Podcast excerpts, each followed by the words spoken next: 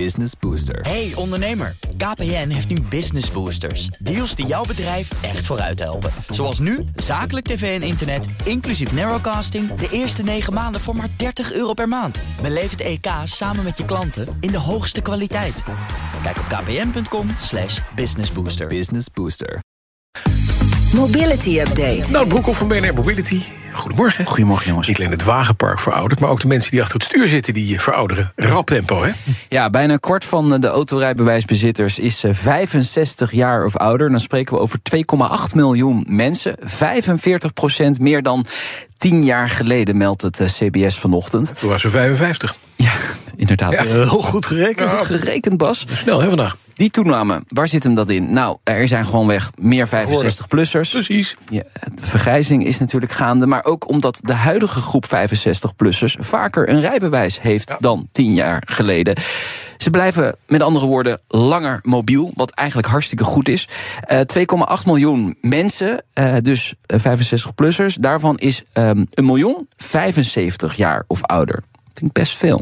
Op de weg dus ook. Ze hebben niet allemaal een auto, maar toch. Wat ook leuk is, de categorie jonger dan 30 Ja. met een rijbewijs groeit ook. Oh, Met 6% in 10 jaar. Eh, naar bijna 1,9 miljoen. Dat wil niet zeggen dat die mensen ook allemaal een auto Hebben? hebben. Nee, want van die 1,9 miljoen eh, ja, mensen die jonger Ja, zijn ja, dan ja. eh, 30, eh, daar heeft 700.000 een auto. Oh, en de rest heeft een auto van opa.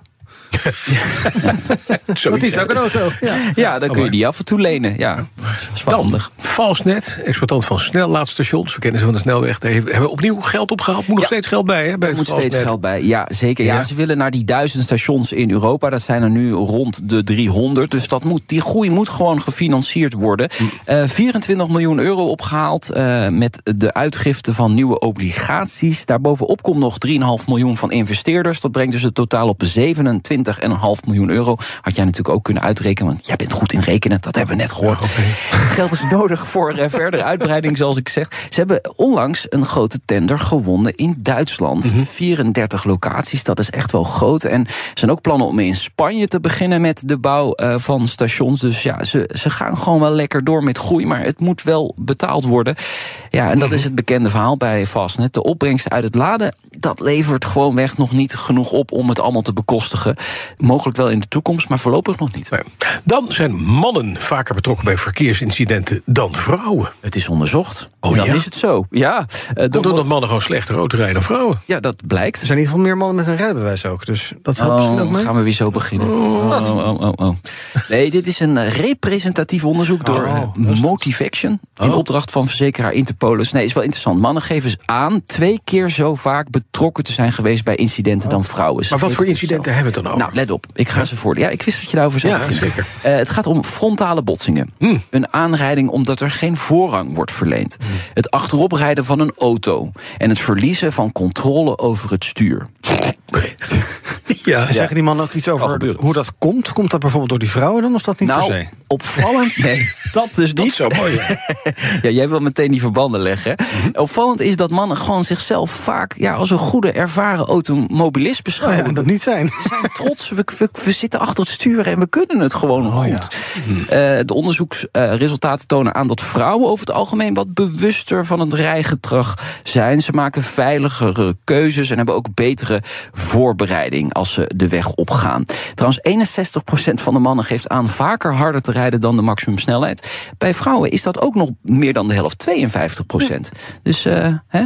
Dus, ja, Ja, dus. Ja, nee, het is Ja? niet dat ze zich altijd gedragen. op de Nee, weg. dat bedoel ik. Nee, nee, nee. nee, dat, dat we het even goed even helder hebben. Kri- Kritisch puntje, kritisch puntje. Oké, dames. En ook in België wint het gebruik van de elektrische fiets aan populariteit. Ja. Het is ongelooflijk, hè? Ongelooflijk. Gewoon ontdekt. Amai. Ehm, het, het gebruik neemt toe. In een jaar Ja. tijd van 24 naar 28 procent. Mhm. Blijkt uit een groot mobiliteitsonderzoek van de Federale Overheidsdienst Mobiliteit en Verkeer. Ja, dat is wel interessant. Daarmee lijkt het Belgische overheidsbeleid hè, om ja, fiets te stimuleren echt wel zijn vruchten af te werpen. Woon-werkverkeer wordt daar echt gestimuleerd om met de fiets te doen. En waarschijnlijk loopt dit percentage eh, de komende jaren nog verder op. Want de fietsvergoeding in België is dit jaar verder verhoogd, onbelast, naar 35 cent per kilometer. 35 cent. In Nederland is dat maximaal 23 cent. Onbelast. Nou, werkgevers kunnen meer geven, maar dat doen ze niet doorgaans. Er zijn wel een paar bedrijven die meer geven, maar dan betaal je dus als werkgever uit eigen zak.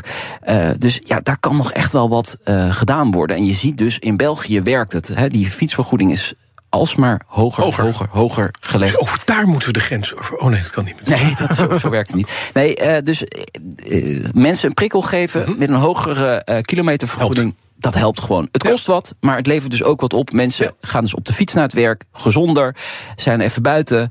Dat werkt dus. Vitaliteit, hè, ja. dat speelt ook wel een rol. Dus um, bijna 30% van de Belgen gaat eens of meer in de week met de fiets, de fiets naar, het werk. werk. Precies. Mooi. Als ze een beetje in de buurt wonen, heb ik aan, hè? Ja, dat, ja, dat wel. Ja. Nou ja, in België, dat, dat zijn afstanden... Is alles in de buurt?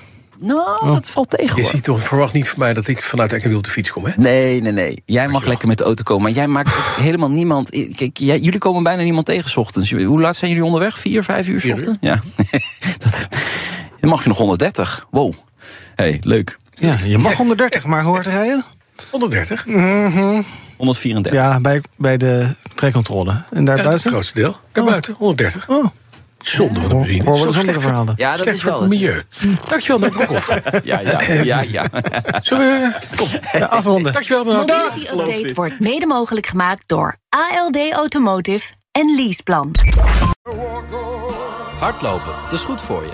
En Nationale Nederlanden helpt je daar graag bij. Bijvoorbeeld met onze digitale NN Running Coach... die antwoord geeft op al je hardloopvragen. Dus, kom ook in beweging. Onze support heb je. Kijk op nm.nl slash hardlopen.